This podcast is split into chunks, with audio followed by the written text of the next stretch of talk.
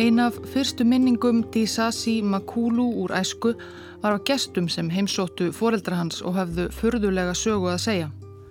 Disasi Makulu var fættur 1870 eða 71 í þorpinu Bandió í miðju þess sem nú er landið Östur Kongo við miðbaug langt inni í frumskóinum nokkrar dagleiðir frá bökkum Kongo fljótsinn sem svæðið dregur napsitt af.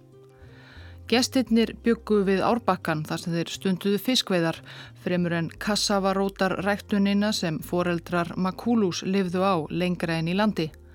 Drengurinn hefur verið svona sex ára þegar þeir komu gestinnir og sögust hafa séð nokkuð ótrúlegt á ánni, jafnvel eitthvað yfirnáttúrulegt.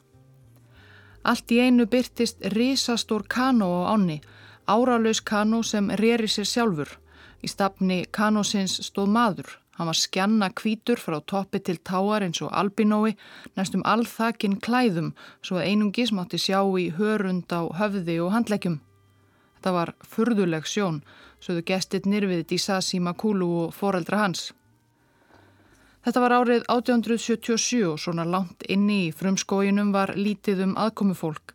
Fæstir höfðu áður séð kvítan mann Slíkar skeppnur voru þó farnar að sjást af og til annar staðar í þessu mikla landflæmi sem kallast Kongo. Það er svæði sem nær frá ósum Kongofljótsins við Allandshaf. Kongo er næst lengsta á heims á eftir Níl og svo næst vasmesta á eftir Amazon og um 2000 kilometra innað ströndum stöðuvatnana Tanganeika og Kívu. Þetta er gífurlega stort landsvæði hjarta Afríku, mætti kannski segja. Það er endar frasi sem rittöfundurinn Joseph Conrad notaði óbeint í titli á skáltsögu sem hann byggði á eigin reynslu af ferðalægjum Kongo undir lok 19. aldar. En fólk af ímsu tægi hefur búið á þessu svæði í um 80.000 ára talið er. Fyrir um 2000 árum fór að setja staði í kongósku skóunum svo kallað bandúfólk úr norðri þar sem nú er Kamerún fólk sem nýlega var farið að stunda landbúnað og þurfti til þess meira og meira landrými og breytti því úr sér um Afriku. Á 14. öld byggðu bandúmenn upp mikið veldi, konungsríkið Kongo, kallað eftir bandúsku þjóðinni sem var ráðandi í ríkinu og tungumáli þeirra Kikongo. Þegar komið var undir lok 15. aldar voru íbúar Kongo um hálf miljón og þetta var háþróað ríki með flókið stjórn og skattkerfi, líflegt viðskiptalíf, ímiskonar, yðnað og landbúnað og stóra og blómlega höðborg. Yfir öllu þessu ríkti valda mikill konungur eða Mani Kongo eins og kongumenn kölluðu leðtósinn. Hann var valinn úr hópi aðsópsmestu ættbálka og þorps leðtóa hverju sinni satt á hásæti skreittu fílabeini og sveiplaði svipu úr sebratakli sem valdaspróta. Alþýðu landsins var stránglega bannað að horfa á konungin, borða eða drekka og þeir sem vildu ávarpa hann örðu að koma til hans skrýðandi á fjórum fótum. Í ágúst 1482 urðu portugalskir sjóarar á siglingu með fram vesturströnd Afríku undir stjórn landkönnuðarins Diogo Ká fyrstir Evrópumanna til að berja augum mikilfenglega ósa Kongo. Rensli fljótsins er svo kröftugt að sjórin er brútnað lit og í raun ferskvatn margar sjómílur frá ströndu. Gáttaðir portugalskir sjóaratnir lístu því sem svo að fljótið ætti í bardaga við sjálft Allandshafið en portugalska seglskipið braut sér leiði gegnum vígvöllin og náði ströndu og þar með voru fyrstu kvítumennir komnir til Kongo. Koma þeirra hafði í för með sér umtalsverðar breytingar. Einan örfára ára voru portugalskir kaupsíslumenn og trúbóðar farnir að koma sér fyrir við ströndina og byggja þar kirkjur og skóla. Kongo konungur tók þeim ágætlega, kannski helst vegna þess að hann gyrntist merkileg eldspúandi vopn þeirra, frekar en af einlægum áhuga á kristinni trú og vestrænu siðferði. Portugalunum tókst ágætlega til að kristna kongumenn en þegar leið á 16. öld fór annað að vekja enn meiri áhuga. Portugalar voru nú líka byrjaðir að koma sér fyrir handan Allandshafsins í henni gjöfulu Brasilíu og þar var þörf á miklu mannabli til að vinna í námum og kaffeagrum. Þrælaverslun plómstræði. Portugalar kiftu eða tóku Afrikumenn í 2000. tali og fluttu þá yfir hafið til að vinna í þrældómi. Í Kongo varð ástandið svo alvarlegt að Alfonso I, konungur Kongo í byrjun 16. aldar, sem hafi tekið kristni og lært portugalsku, skrifaði í örvendingu mörg bref til konungs Portugals og bað hann náðarsamlegast að þyrma þegnum sínum. Þegar dró úr þrælaversluninni á Allandshafi og nýlendu veldi Portugala skrapp saman með tímanum, glemdu þeir svo Kongo smátt og smátt. Konungsríkið Kongo lifiði þó áfram við strönd Allandshafsins, annar staðar við bakka fljótsins mikla bjó fólk sem fyrri þorpum og litlum samfélögum eins og það hefði gert um aldir og ártúsund, ekki þegnar neins fjarlags konungsríkis.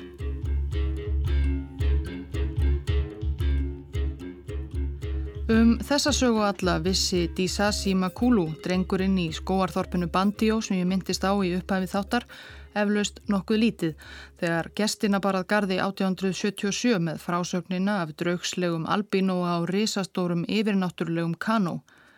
Svo langt inn í skógin höfðu portugalarnir sjaldan hætt sér. En gestirnir í Bandió höfðu orðið vittni að sögulegum atbyrði.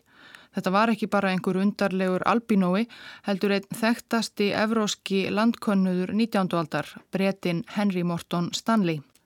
Nokkrum árum áður hafði hann þrammað þúsund kílometra í gegnum hittabelti skógin í austanverðri Afriku og haftar upp á kollega sínum David Livingstone sem ekkert hafið þá spurst til í nokkur ár og öðlaðist heimsfræð fyrir, meðal annars með frasanum fræga Dr. Livingstone I presume, því menn heldu vita skuld formlegri háttvísi Viktorjutímans í afrískum frumskói.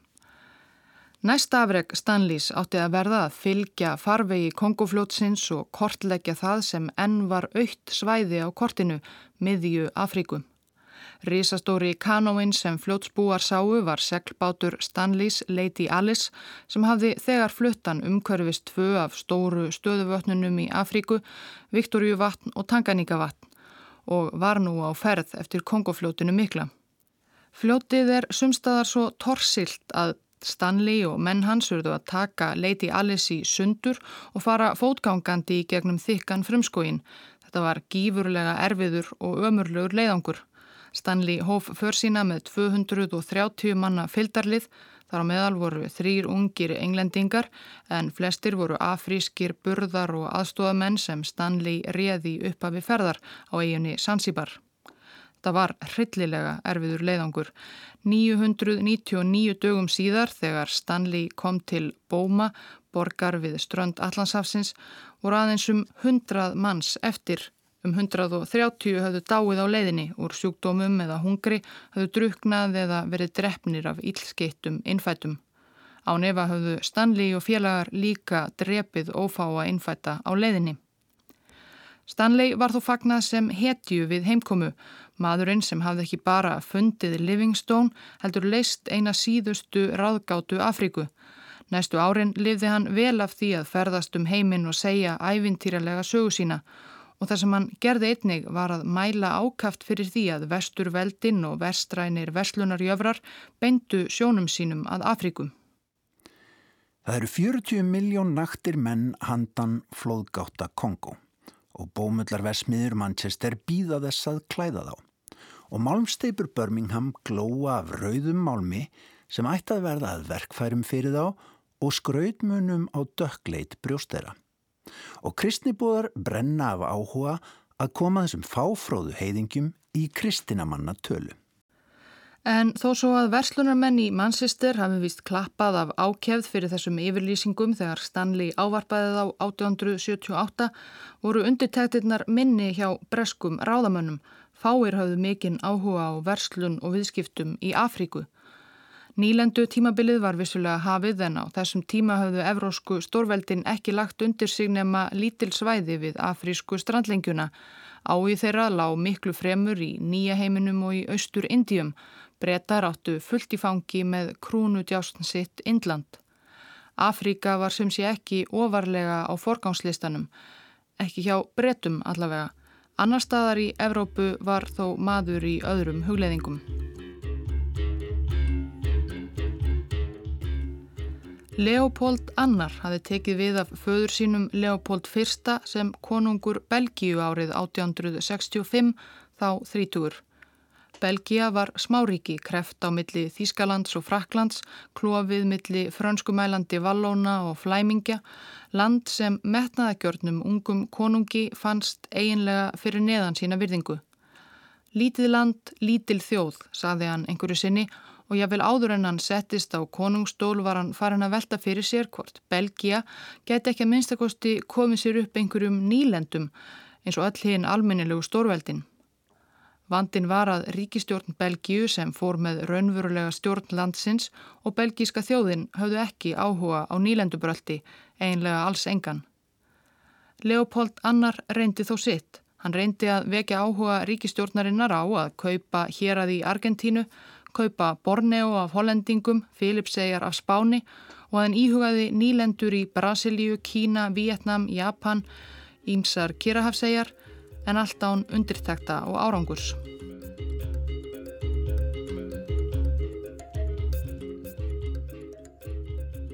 Þá beindi hann sjónum sínum að Afríku.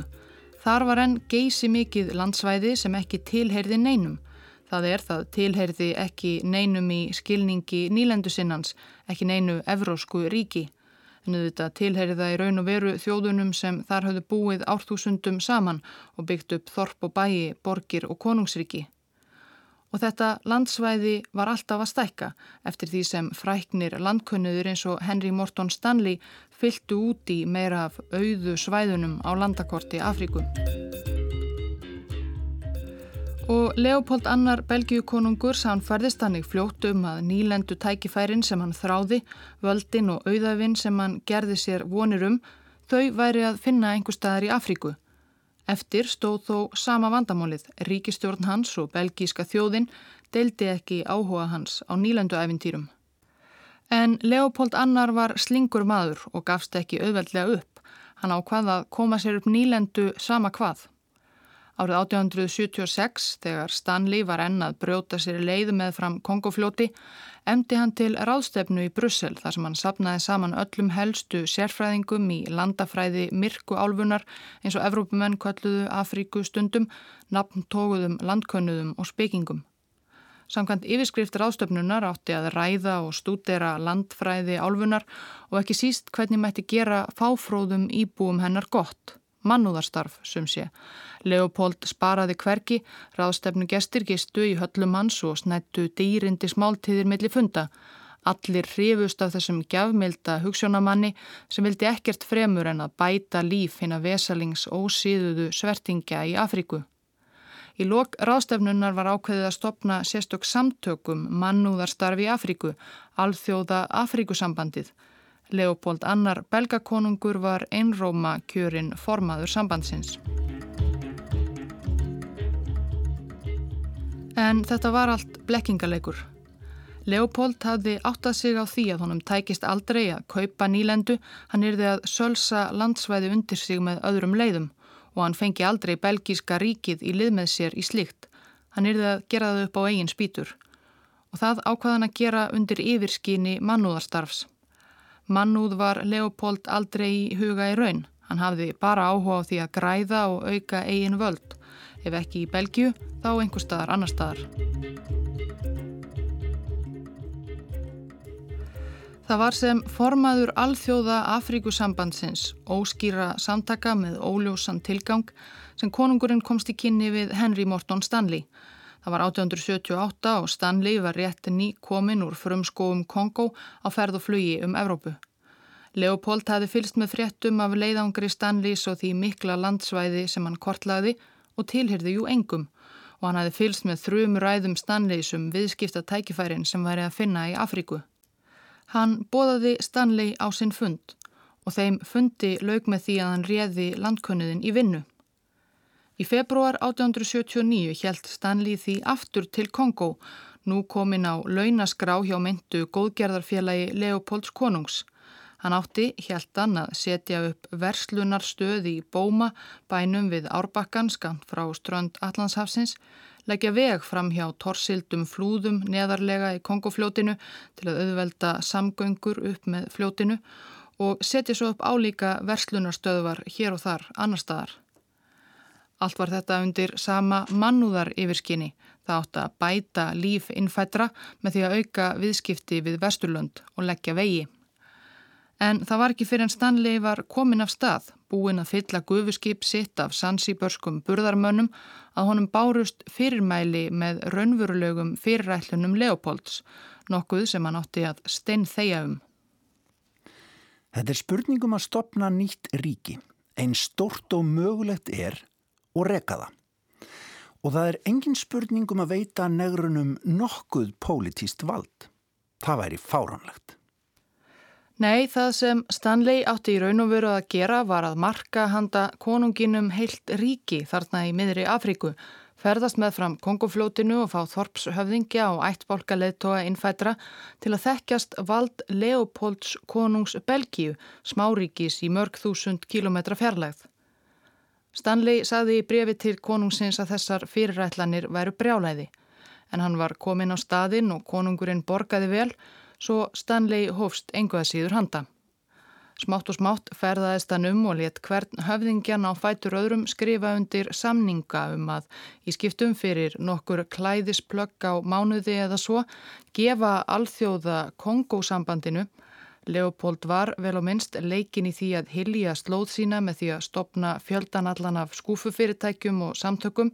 Alþjóða Kongósambandið var einhvers konar undirfélag Alþjóða Afríkusambandsins, einungis gert til þess að gera málin öll loðunari aðkomumönnum því þetta var háleinilegt starf gefa alþjóða Kongósambandinu öll völd yfir öllum landaregnum sínum að eilífu, veita sambandinu eignarétt á öllum auðlindum sem þar var að finna og rétt til þess að innheimta þar skatt og skuldbinda þar að auki þegna þeirra til að vinna fyrir sambandið að hverjum þeim verkefnum sem því kom til hugar. Samningarnir verða að vera einn stuttir og mögulegt er, skrifaði Leopold til Stanleys og gefa okkur allt. Á nefa hafa langflestir þeirra höfðingja sem skrifuðu undir eða mertu með exi eða fingrafari ekki vitað mikið hvað fólst í samningunum. Þeir lásu ekki evrósk mál og hafa talið sig verið að skrifa undir vináttu eða viðskiptasamninga ekki algjöra uppgjöf fyrir kvítamanninum. Og ef Þorps eða ættbólka höfðingi vildi ekki viðurkenna vald Stanleys eða skrifa undir pappirans þá letan menn sína einfallega myrða þann höfðingja og arftæki hans, logandi hrættur um eigið líf, var þá yfirleitt til í að fallast á hverja ósk kvítumannana. Ef anstæðan var enn meiri, var þorpið brent til grunna. Það var fátt sem Stanley og menn hans viluðu fyrir sér. Stanley gekk erinda belgakonungs í Kongo í hátt í fimm ár frá 1879 til 1884. Heima í Evrópu fór Leopold konungur í áróðusherfer til að sannfæra önnur Evrópuríki um að hann ætti rétt á því að sölsa Kongo undir sig. Sem fyrr reyndi hann að sannfæra fólkum að allt þetta erfiði væri hann að leggja á sig einungis af umhyggju fyrir innfætum. Hann vildi meina að hann gæti rekið burt arabíska þrælasala sem lengi höfðu herjað á íbúa miðafríku og svo myndi hann kynna innfættum vestræna síðmenningu og tryggja frjálsa verslun og viðskipti millir Kongo og Evróbríkja.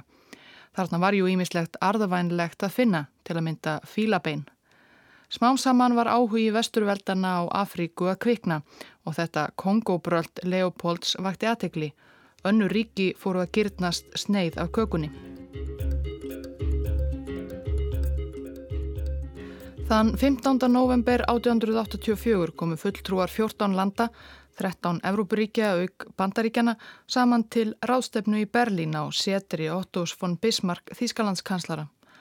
Bismarck hafi kallað til ráðstefnunar til að skera úrum málefni í Afríku í eitt skipti fyrir öll, en ekki síst var raunveruleg ástæða það sem Leopold var að bralla í Kongo. Á ráðstefnunni var laður grunnur að skiptingu afríska meginlandsins millir nýlenduveldana Það sem framfór við fundarborðið í Berlín, þar sem prúðbúnir embættis og stjórnmálamenn rindu í kort og púðu vindla, átti eftir að hafa áhrif á líf tuga miljóna Afrikubúa næstu áratugina og gerir enn. Leopold konungur var þó ekki sjálfur viðstatur. Stanley var það sem fulltrú í bandaríkjana og hann hafði fullvissað Chester Arthur bandaríkja fórsetta um hjartarreinar fyrirætlanir belgakonungs og sínt honum eintök af hotlustu samningunum sem afrísku höfðingjarnir höfðu skrifað undir. Bandaríkin urðu þannig fyrst til að viðurkenna rétt Leopolds konungs til landsvæðisins við Kongofljótið sem Stanley hafði farið um og á Berlínar ráðstefnunni fyldu evrósku stórveldin dæmi bandaríkjana. Þið alþjóðlega Afríkusamband Leopolds konungs ætti fullan rétt á þessu landsvæði.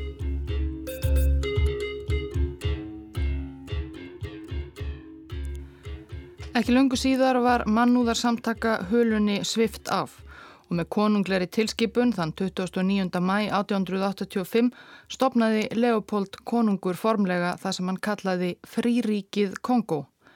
Landsvæði þess var um 2,5 miljónir ferkilometra, einn þrettandi af öllu afríska meginlandinu, stærra en England, Frakland, Þískaland, Spátn og Ítalija samanlagt, 76 sinum stærra en Belgia. En fríríkið Kongo var ekki belgísk nýlenda, það var nýlendan hans, Leopolds konungs. Hann einn var konungur og alráður, eigandi ríkisins.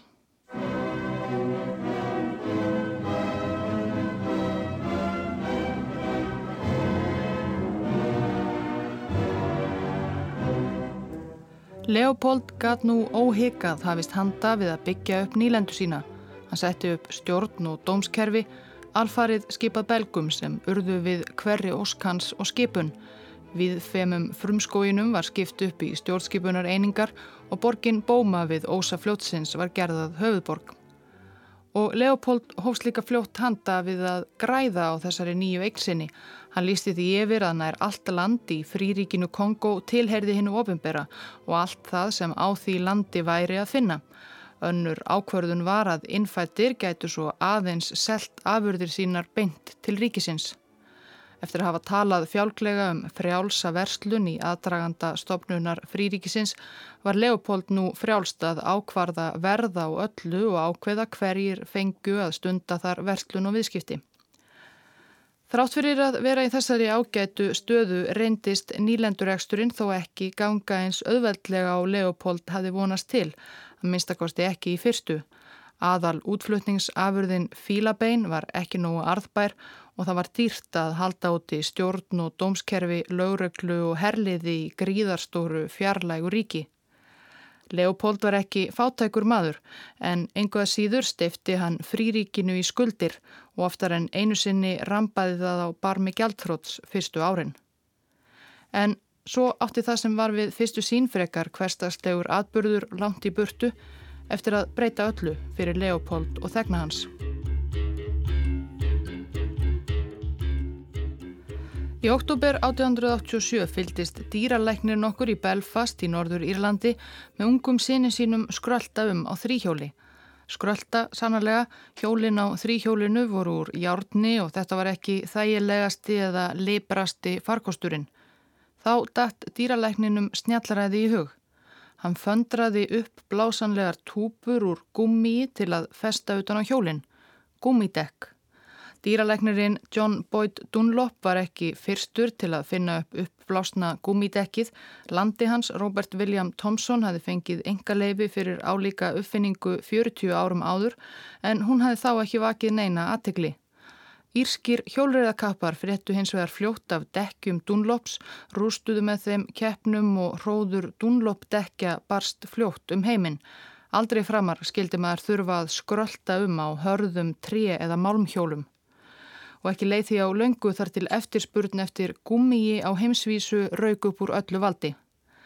Gúmi var upphaflega búið til úr mjölkursafa eða latexi gúmitrésins sem var sapnað með því að skera sári í börk trésins og láta svo límkendan vögvan renna niður í eitthvert söpnunarílát. Gúmidekki æði heimsins hefði ekki geta komið á betri tíma fyrir Leopold annan Belgíu og Kongókonung.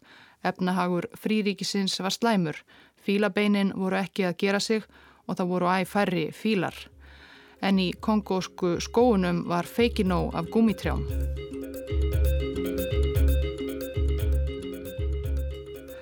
Árið 1891 framleiti fríríkið Kongo nokkur hundru tonn af gummiði, fimm árum síðar var svo tala orðin 1300 tonn og árið 1901 voru það 6000 tonn.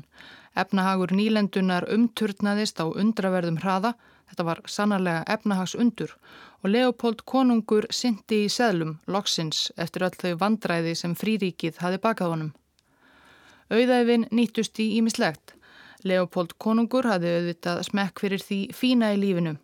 Hann var líka nokkuð kvensamur og átti um þetta leiti í sambandi við unga franska vændiskonu, Caroline Lacroix. Hún var 49 árum yngri en hann, sem hann dældi í peningum, gjöfum, húsum og landaregnum, jável aðalstegnum. Hún fekk titilinn baronessa en var stundum kölluð af gárungum drottningin af Kongo en hann flíkaði líka reglulega upp á litla ómerkilega heimalandið sitt Belgíu, byggði söpn og minnismerki og hallir. Stundum er sagt að Brussel hafi verið byggð upp fyrir kongóskan auð.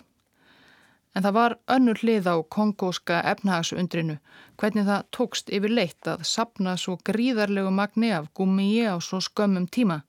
Það voru nefnilega ekki allir sem grætum.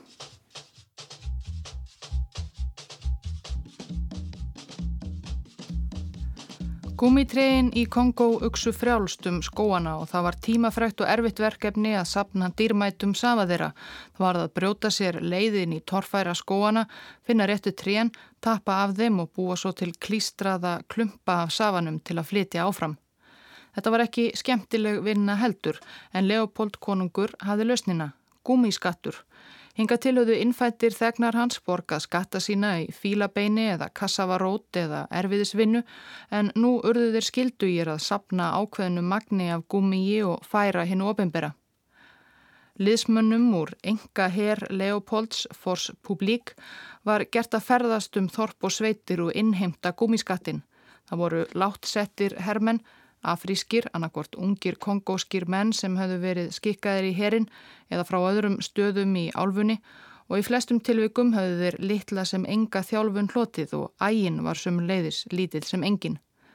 Hvort hermennir fengu laun eða ekki fóra eftir því hvort fólkið í þorpunum sem þeir heimsóttu borgaði skatta sína, skilaði nógu mörgum körfum af dýrmætu gúmiði. Það var því strax mikið í húfi fyrir ungu hermennina sem svifust einskis í skattindunni. Þeir tóku konur og börn til fanga ef eigin menni eða feður skiluð ekki nægilegu magni af gúmiði, beittu hótunum og viðurstikilegu ofbeldi, nöðguðu og myrtu. Evróskir herrmenn Fosspublik höguðu sér lítið skár. Engaherr Leopolds var þó umhugaðum sparnað. Það var ítla séð til dæmis að herrmenn sóuðu bissukúlum hans hátegnar í að veiða dýr til eigin neyslu. Kúlurnar áttu að nota einungis til að drepa óhlýðna innfæta. Til að sanna að ekki væri verið að sólunda skotum áttu herrmenn því að höggva hönd af þeim sem þeir skutu til bana og færa yfirbóðurum sínum. Ein bissukúla, ein hönd. Stundum þurftu herrmennað hilma yfir einhverja ósamþykta kúlnæðislu og þá var nærtækast að höggva bara nokkrar hendur til að sína yfirmanninum og skipti þá litlu hvort eigendur handana voru lífs eða liðnir. Myndir af fólki með gróflega afhögnar hendur urðu síðar eitt af allræmdustu merkjum stjórnar Leopolds konungs í Kongo.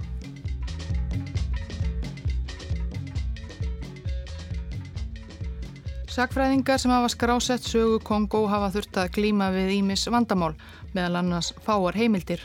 Sagt er að þegar hildi undir endaloku valdatíðar Leopolds annars í Kongo hafi hann látið brenna svo mikið af skjölum um nýlendureksturinn að þau kynntu konungshöllina í Brussel í meira en vikum. Þau skjöl sem sluppu við logana voru lengi kyrfilega lokuð fræðimönnum í belgískum skjálasöfnum belgískur diplomati Jules Marshall sem skrifaði mörg tímamóta verkum sögu þjóðarsinnar í Kongo á nýjunda áratögnum stóði í áralöngu stappi um að fá aðgangað skjölum og mörg skjölum nýlendusögu belga eru leinileg enn í dag. En minna hefur svo varðveist af frásögnum kongomanna sjálfra af lífinu undir stjórn Leopolds. Fáir kerðu sig um að skrásetja upplifun þeirra á nýlendutímanum. Þó eru til frásagnir innfættra skráðar meðal annars af evróskum trúbóðum af ógnaröldinni sem fór í höndi Kongo eftir að gummiæðið skall á. Eftirfarandi vitnisspurðir eru úr bók belgísks bladamanns David van Reybrúk sem skrifaði sögu landsins og reyndi þar að byggja sem mest á frásögnum og minningum kongomanna sjálfra frekar en kvítamannsins. Tveir hermenn handtóku afamenn því að gúmikarvan hans var ekki nógu full. Þeir hendunum niður í brunn og trömpuð á honum. Það drap hann. Þegar við síndum kvítamannum líkið, saðan gott. Hann var búin í gúmínu og þurfti því ekki að lifa. Þegar ég var bara barn skutu herminirnir á fólkið í þorpinu mínu út af gúmíinu. Pappið minn var myrtur. Þeir bundaðan við tri og skutandi bana. Þegar þeir listan gáfu þeir sónum sínum líkið og þeir átan. Þeir tóku mig og móður mína til fanga. Herminirnir skáru hendurnar af móður minni á meðan hún var enn á lífi. Teimur dögum síðar skáruðir af henni höfuðið. Það voru engir kvítir menn neinstadar. Við urðum að sapna 50 körfum af gúmi. Dag einn komum við bara aftur með 49 og þeir sögðu okkur stríð á hendur. Hermaðurinn Lombótó kom í þorpið okkar með nokkrum öðrum. Á leiðinni fór þeir í gegnum mýri og sá sýstur mína veiða þar. Á nokkurar ástæðu skaut Lombóto hana með rifli og drapana. Þórshöfðingin í Sekifúsa var drepin í kofanu sínum. Tvær eiginkonur hans voru myrtar á sama tíma. Bard var hokkið í tvent. Svo var ein konan skorin á hól. Fólkið sem kom með hermununum átt líkin.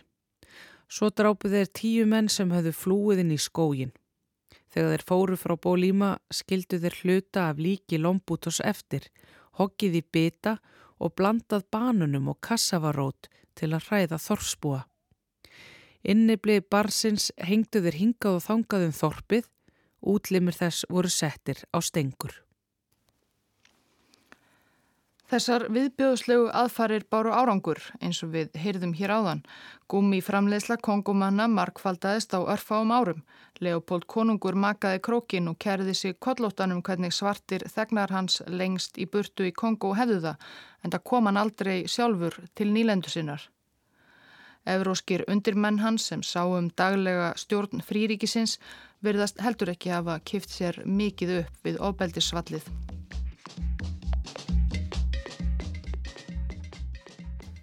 Engu tíman árið 1900 fór starfsmæður skipaflutningafyrirtækis í Liverpool, Edmund Dean Morell, að veita því eftirtækt að skip sem komi til Evrópu drekklaðin verðmætu gummiði frá Kongo lögðu af stað aftur tilbaka aðeins með bissur og skotfæri, keðjur og fjötra, engan annan varning til verslunar.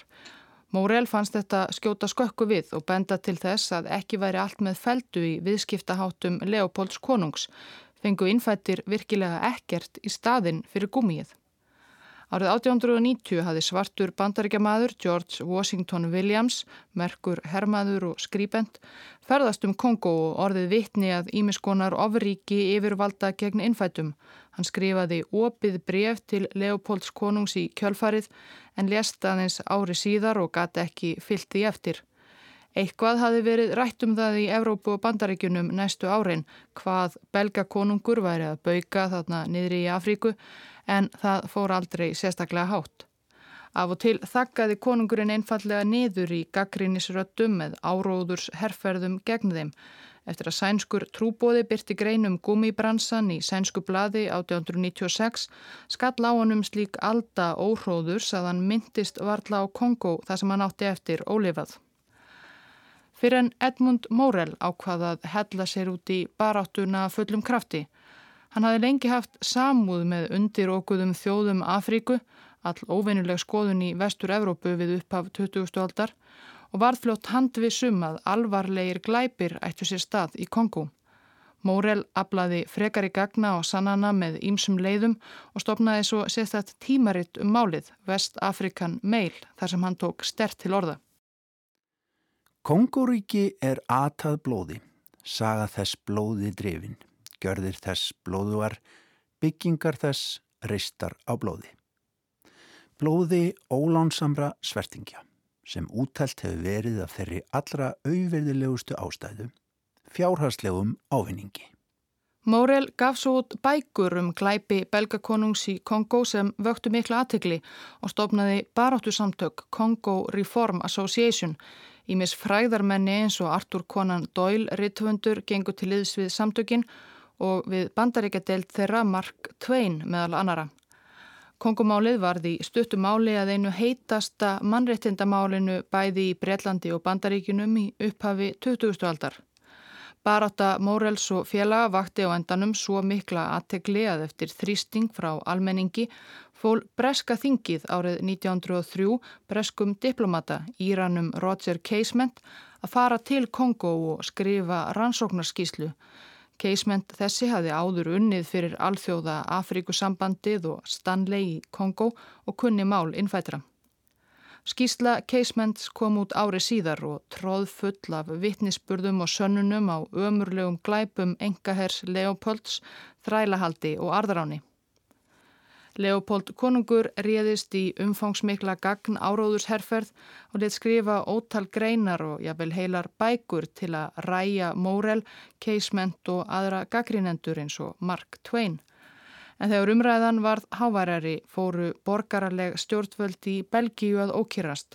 Málið var orðið sérlega vandræðalegt fyrir land og þjóð, þjóð sem hafi aldrei haft áhuga á nýlendu bröldi konungsins fyrir það fyrsta. Gamli konungurinn varðist með kæfti og klóm en að lokum þvingaði stjórn hans hann til að skipa sjálfstæða rannsóknarnemnd til að kanna þessar ásakanir um glæpi í nýlendunni. Sú skýsla reyndist staðfesta allt sem komið hafi fram áður í bókum Edmunds Morell og skýslu Rogers Casement og hljómaði bara enn verð ef eitthvað svart á kvítum. Leopold konungur lofaði þá bót og betrun en það var of seint. Alþjóðasamfélagið allt hafði snúist gegn honum, allir vildu að hann afsalaði sér völdum yfir þessari enga nýlendu sinni. En hvað ætti þá að gera við þetta landsvæði? Ekki var ekkert að treysta Afrikumönnum til að ráða sér sjálfur auðvita og að loknu löngu umhugsunatímabili fjallust stjórnvöldi Belgíu til að taka landsvæðið að sér. Eginlega með semingi fáir belgar höfðu sérstakann áhuga á Kongo. Það var byrjað að framleiða ódýrara gumi í Suður Ameríku svo að efnahagur nýlendunar stóð aftur höllum fæti. En það virtist vera lítið annað í stöðunni og yfirtaka Belgíu og fríríkinu Kongo var lögfest þann 15. november 1908. Innfættum Kongomönnum allt í einu tilkynnt að hérna í frá tilherðu þeir belgíska ríkinu, ekki bara belgíska konunginum. Dagana þar á undan hafði Leopold notað vel til að kinda höll sína með ofinberum skjölum um nýlendurekstur sinn í Kongo. Hann lést rúma ári síðar, 17. desember 1909, 74 ára. Hann hafði þá ríkt í 44 ár, lengst belgískra konunga í sögunni. Hann giftist ungu ástkonunni Caroline Lacroix orfáum dögum fyrir andlátið og hún erfði gríðarlegu auðæfi. Það er óvíst og umdelt meðal sakfræðinga hversu mörg döðsföll má reykja til ógnarstjórnar Leopolds annars í Kongo. Enga hér hans og skósveinar myrtu ótal manns og hér hefur aðeins verið stiklað á stóru.